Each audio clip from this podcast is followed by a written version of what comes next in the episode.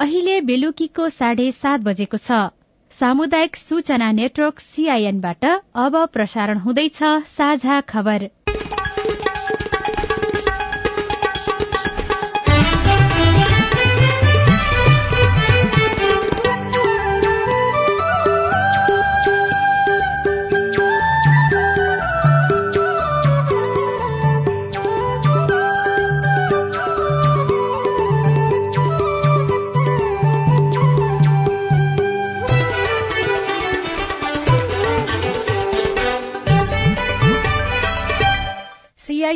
साझा खबरबाट सोभिता रिसालको नमस्कार। साझा खबर देशभरिका सामुदायिक radio CIN Khabar dot com सीआईएनको फेसबुक पेज र मोबाइल एप सीआईएनमा पनि सुन्न सकिन्छ।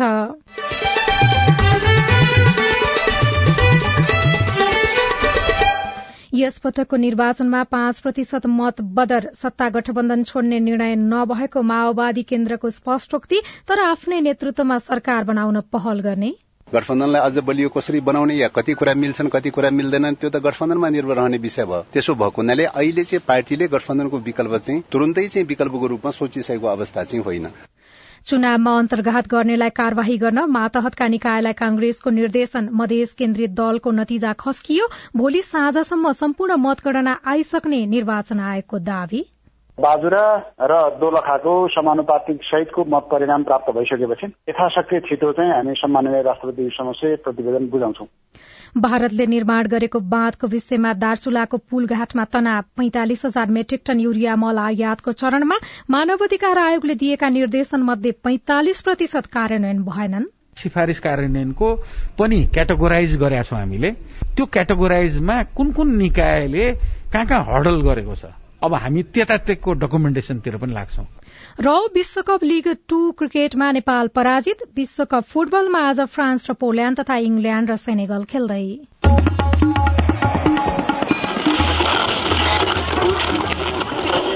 सयौं रेडियो। हजारौं रेडियो कर्मी र करोड़ौं नेपालीको माझमा यो हो सामुदायिक सूचना नेटवर्क सीआईएम नेपाल भारत सीमा क्षेत्रमा तनावका घटना भइरहन्छन्। सीमा क्षेत्रमा भारतीय पक्षले निर्माण गर्ने भौतिक संरचनाका कारण पनि विवाद हुने गरेको छ। भारतीय पक्षले नेपाली क्षेत्रमा प्रभाव पर्ने गरी भौतिक संरचना निर्माण गर्ने भारतीय सुरक्षाकर्मीले दुर्व्यवहार गर्ने गरेको गुनासो पनि नेपालको पक्षबाट पटक पटक उठ्ने गरेको छ।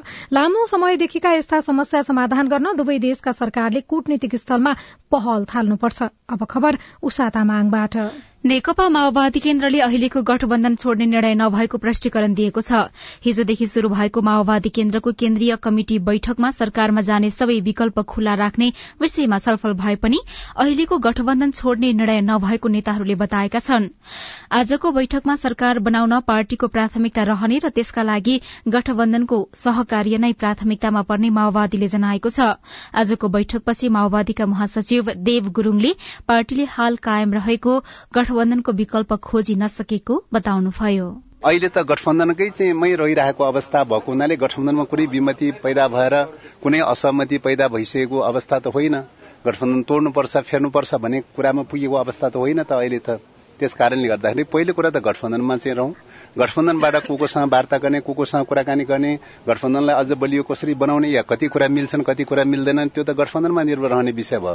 त्यसो भएको हुनाले अहिले चाहिँ पार्टीले गठबन्धनको विकल्प चाहिँ तुरन्तै चाहिँ विकल्पको रूपमा सोचिसकेको अवस्था चाहिँ होइन। सरकार गठनको बारेमा विषय प्रवेश गरेकै छैन। विकल्पको बारेमा त झन प्रवेश हुने कुरै भएन। बैठकमा अध्यक्ष पुष्पकमल दाहाल प्रचण्डले सत्ता गठबन्धन नटुट्ने बताउनु भएको थियो तर हिजोको बैठकमा भने माओवादी केन्द्रले एमालेसँग पनि मिलेर सरकार बनाउन सक्ने संकेत गरेको थियो। सरकार कसको नेतृत्वमा बन्ने र कसरी बनाउने भन्नेमा छलफल गर्न भोलि सत्ता गठबन्धनका दलहरूको बैठक बस्ने तयारी छ। भोलिको बैठकमा निर्वाचनको समीक्षा गर्ने र आगामी रणनीति तय गर्ने पनि बैठकले गर्ने नेताहरूले बताएका छनृ। प्रधानमन्त्री एवं नेपाली कांग्रेसका सभापति शेरबहादुर देउवाले भोलि दिउँसो तीन बजे बालुवाटारमा बस्ने गरी गठबन्धन दलको बैठक बोलाउनु भएको छ। नेकपा एमाले पनि आफ्नै नेतृत्वमा सरकार बनाउने कसरत शुरू गरेको छ। एमाले राष्ट्रिय प्रजातन्त्र पार्टीलाई साथ लिएर माओवादी केन्द्र समेतको सहयोगमा सरकार बनाउने कोशिश गरिरहेको छ। मंगिर पन्ध्र गते भएको पुनः निर्वाचनको मतगणना दोलखामा जारी छ। पछिल्लो नतिजा अनुसार दोलखामा प्रतिनिधि सभातर्फ नेकपा माओवादी केन्द्रले अग्रता लिएको छ।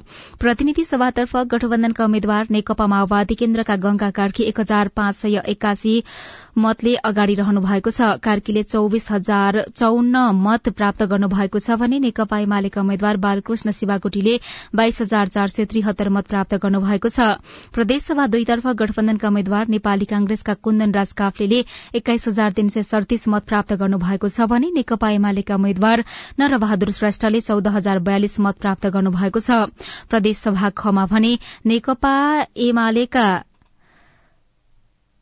यसअघि प्रदेशसभा एक हुनुपर्नेमा अन्यथा भएकोमा सच्याइएको छ। प्रदेशसभा दुईमा भने नेकपा एमालेका भरत बहादुर केसी विजयी भइसक्नु भएको छ। गठबन्धनका उम्मेद्वार कांग्रेस दोलखाका सभापति समेत रहनुभएका बर्मा लामालाई पराजित गर्दै प्रदेशसभा दुईमा एमालेका केसी विजयी हुनुभएको हो। बाजुराबाट प्रतिनिधि सभामा नेपाली कांग्रेसका उम्मेद्वार बद्री प्रसाद पाण्डे विजयी हुनुभएको छ। एमाले उम्मेद्वार कर्णबहादुर थापालाई पाँच हजार सात सय चार सय सैतिस मतले पराजित गर्दै पाण्डे निर्वाचित हुनुभएको हो। निर्वाचन आयोगले केही अवरोध नभए भोलि साँझसम्ममा सम्पूर्ण मत परिणाम आइसक्ने बताएको छ। भोलिसम्ममा नतिजा आए आयोगले दुई तीन दिनभित्रमै सम्पूर्ण नतिजा राष्ट्रपतिलाई बुझाउने तयारी गरेको छ। आयोगका प्रवक्ता गुरू वाग्लीले निर्वाचनको सम्पूर्ण परिणाम सकेसम्म छिटो राष्ट्रपतिलाई बुझाउने सीआईएनलाई जानकारी दिनुभयो।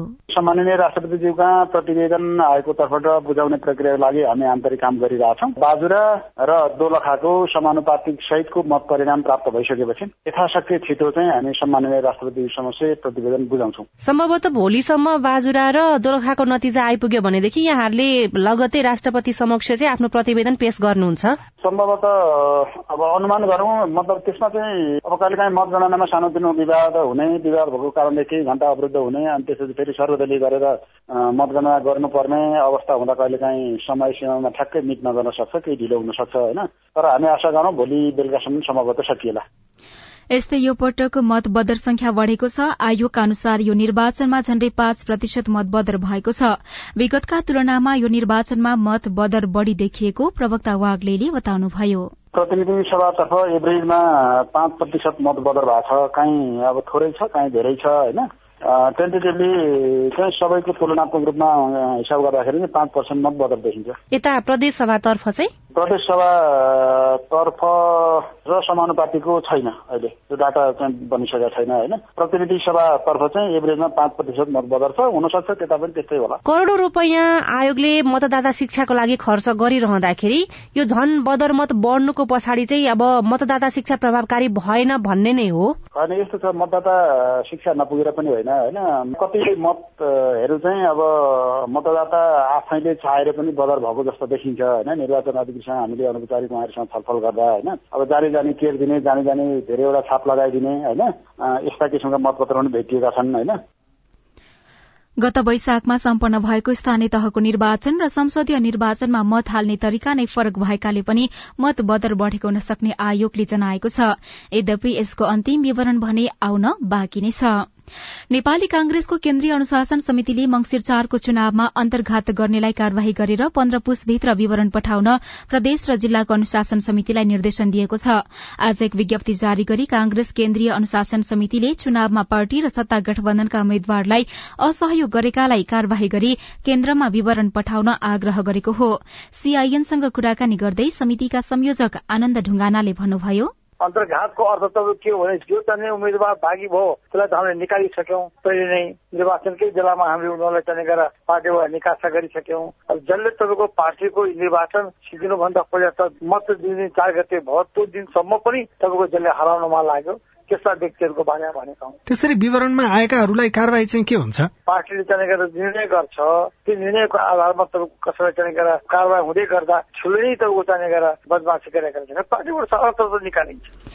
दुई हजार चौसठीको संविधान सभा निर्वाचनबाट उदाएका मधेस केन्द्रित दल यसपटकको प्रतिनिधि सभा निर्वाचनमा निकै कमजोर देखिएका छन्। दोस्रो जनआन्दोलनपछि तराई मधेसमा सशक्त देखिएका उनीहरूले दुई हजार चौसठीको निर्वाचनबाट संविधान सभामा बलियो उपस्थिति जनाएका थिए।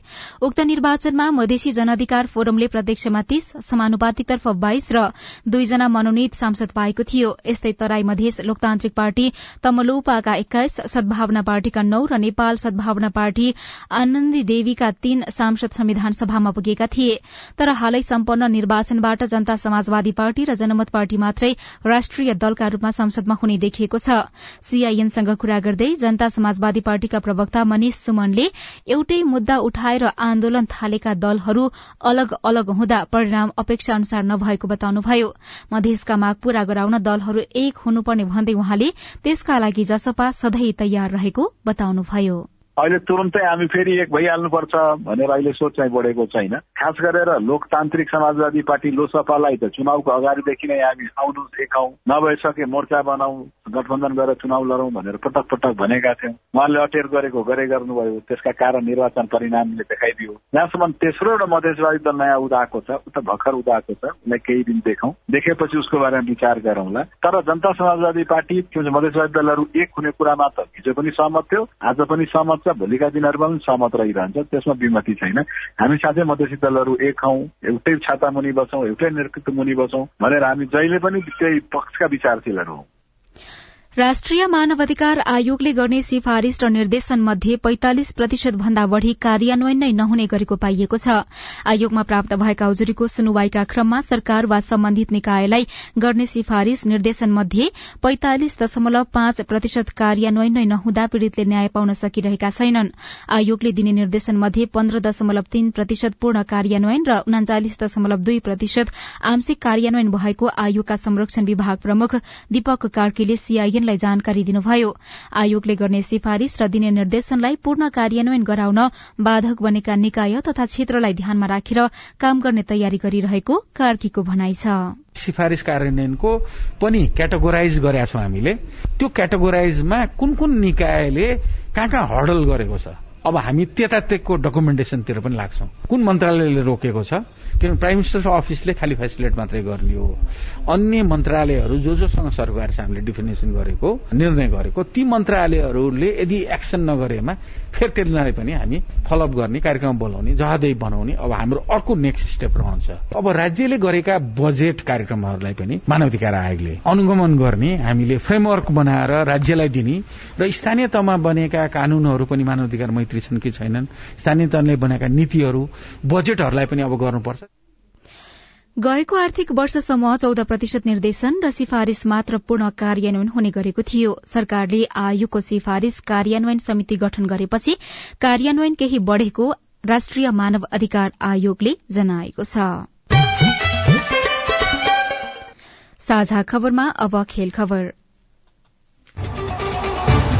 विश्वकप फुटबल विशेष।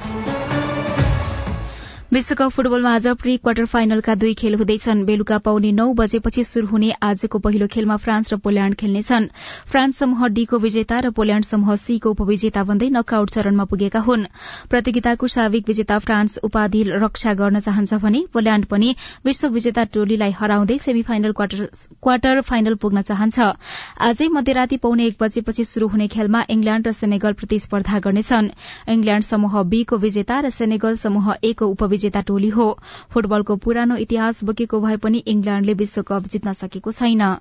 र विश्वकप लीग टू त्रिकोणात्मक एक दिवसीय क्रिकेट श्रृंखलाको दोस्रो खेलमा नेपाल स्कटल्याण्डसँग तीन विकेटले पराजित भएको छ। नामिबियामा भएको खेलमा नेपालले दिएको एक सय अडतीस रनको लक्ष्य स्कटल्याण्डले बत्तीस ओभर एक बलमा सात विकेट गुमाएर भेट्टायो। उसका लागि क्रिस्टोफर म्याकबर्डले सर्वाधिक त्रिचालिस रन बनाउनुभयो।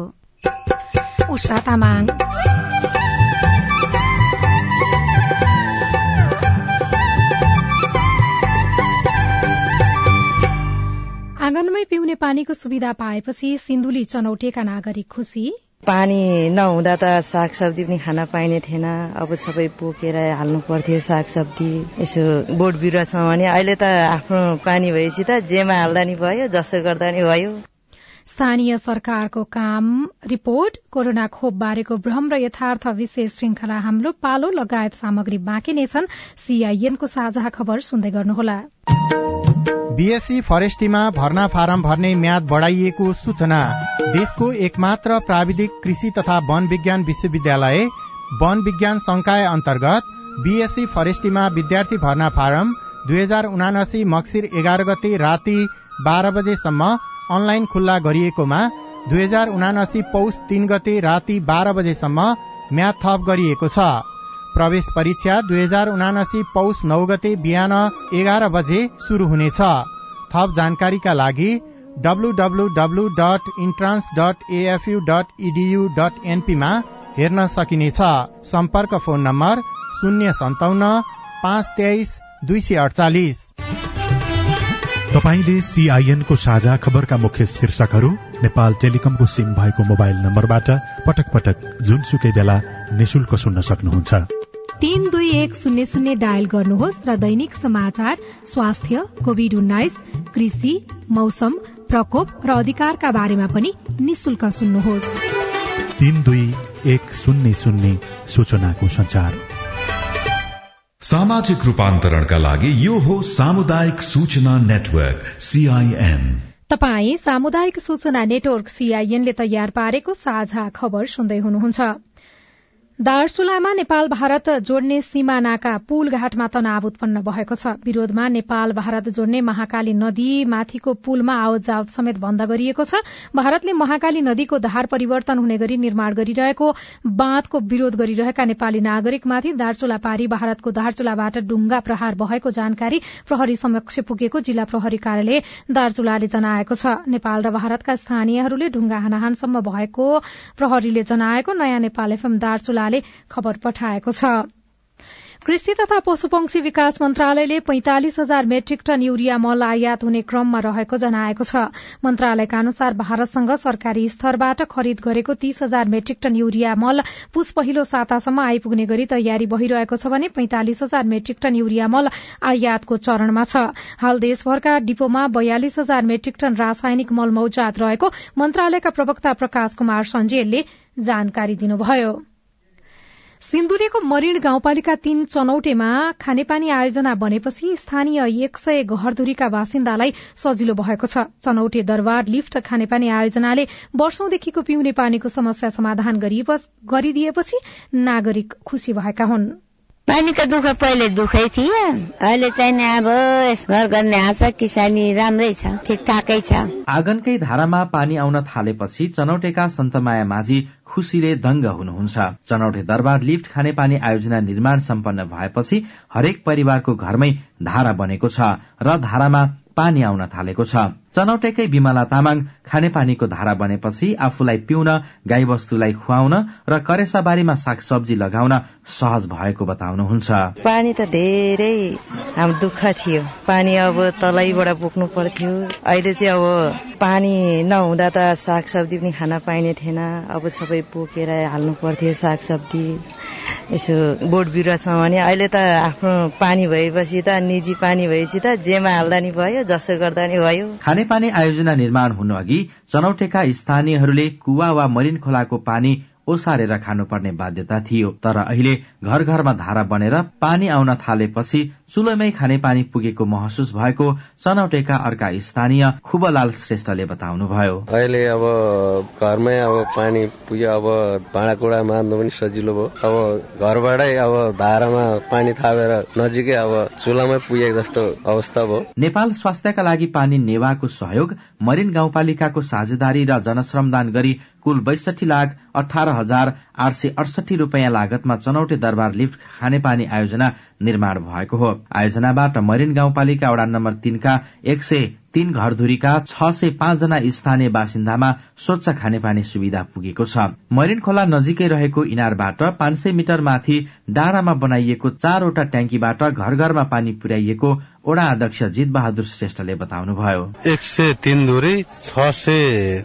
सातजना चाहिँ लाभान्वित हुनुहुन्छ।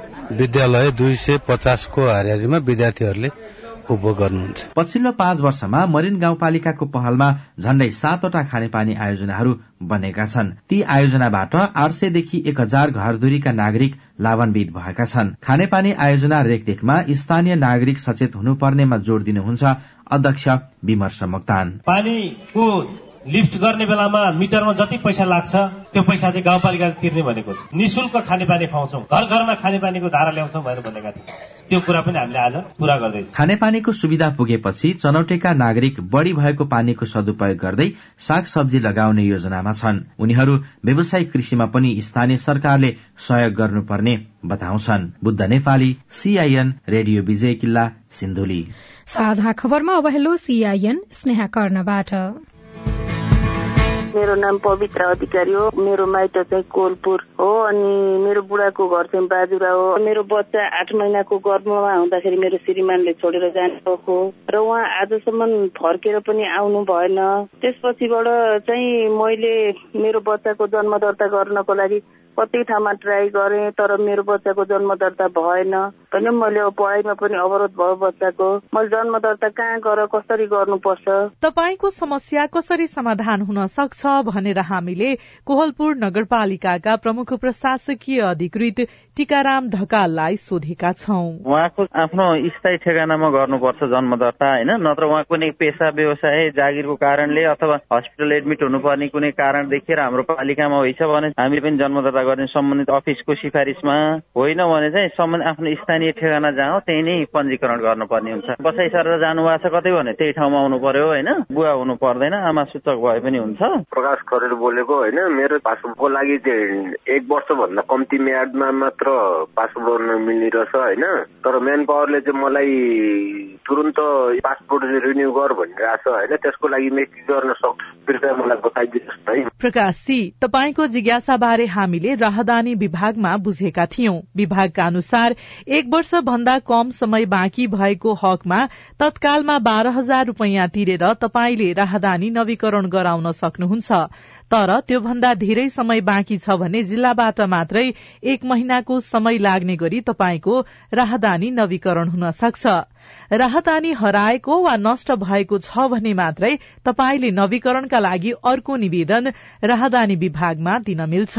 कास्कीको माछापुछ्रे गाउँपालिकाका आनन्द प्रसाद अधिकारी अब बन्ने नयाँ सरकारले गर्नुपर्ने कामबारे सुझाव दिँदै हुनुहुन्छ। नेपालका रबर फ्याक्टरी हेटौँडा कारखाना बुदोल धुवाउ कारखाना जनकपुर सुरोड कारखानालाई सञ्चालन गर्ने त्यहाँ डुबाउनेहरू को को हुन् त्यो डुबाउनेहरूलाई कारवाही गरेर ती कारखानाहरू नेपालको सञ्चालन गर्नेतिर ध्यान पुग्ने कुरा अब नेपालीहरूलाई सबै विदेश पठाएर मात्रै नेपालको विकास हुनेवाला होइन। कारखानाहरू यथारूपमा सञ्चालन हुने सरकार चाहियो त्यस्तो खालको प्रधानमन्त्री चाहियो त्यस्तो खालको मन्त्रीमण्डल चाहियो। तपाईँ जुनसुकै बेला हाम्रो टेलिफोन नम्बर शून्य एक बान्न साठी छ चार छमा फोन गरेर आफ्नो विचार गुनासो प्रश्न तथा प्रतिक्रिया रेकर्ड गर्न सक्नुहुनेछ।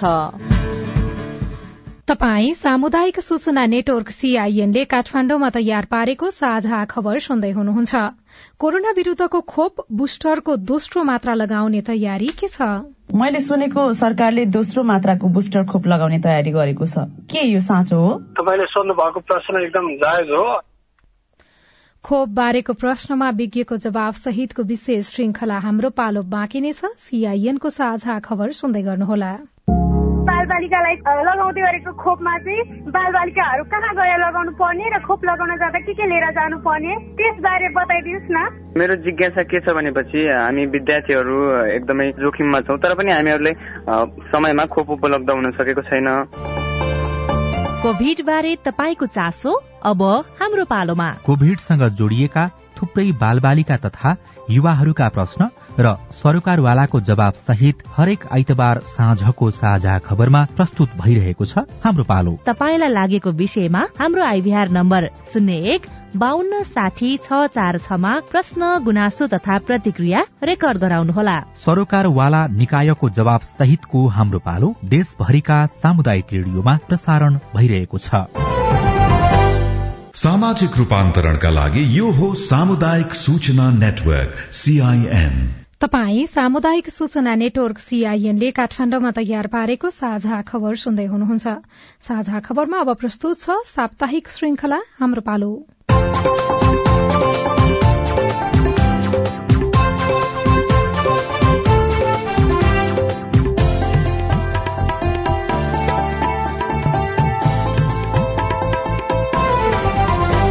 नमस्कार म सुशीला।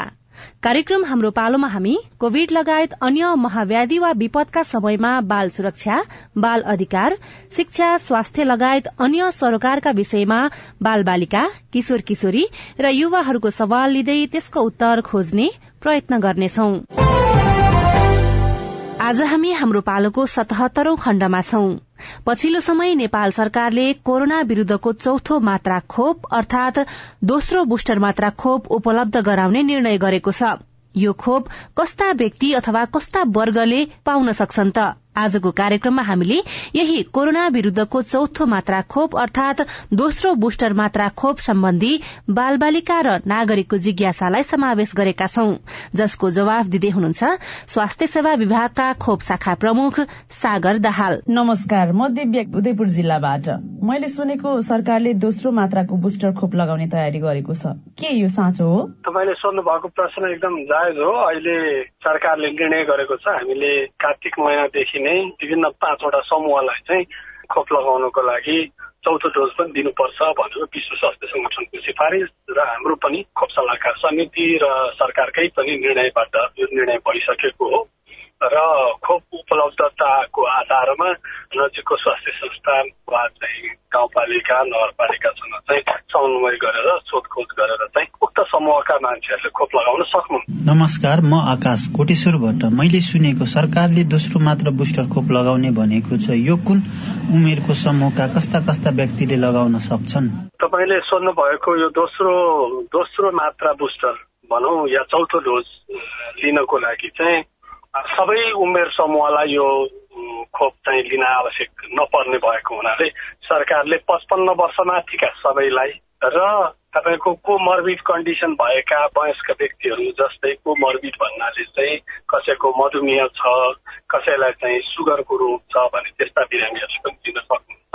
त्यस्तै गरेर गर्भवती महिलाले गर्भधारण गरेको तिन महिना पछाडि चौथो मात्रा लिन सक्नुहुन्छ। त्यस्तै गरेर इम्युनो कम्प्रोमाइज बिरामीहरू जस्तो चाहिँ तपाईँको एचआइभी भएका अन्य बिरामीहरू पनि हुन्छ। त्यस्ता अवस्थामा पनि ती बिरामीहरूले पनि यो खोप लिनुपर्छ चौथो मात्रा।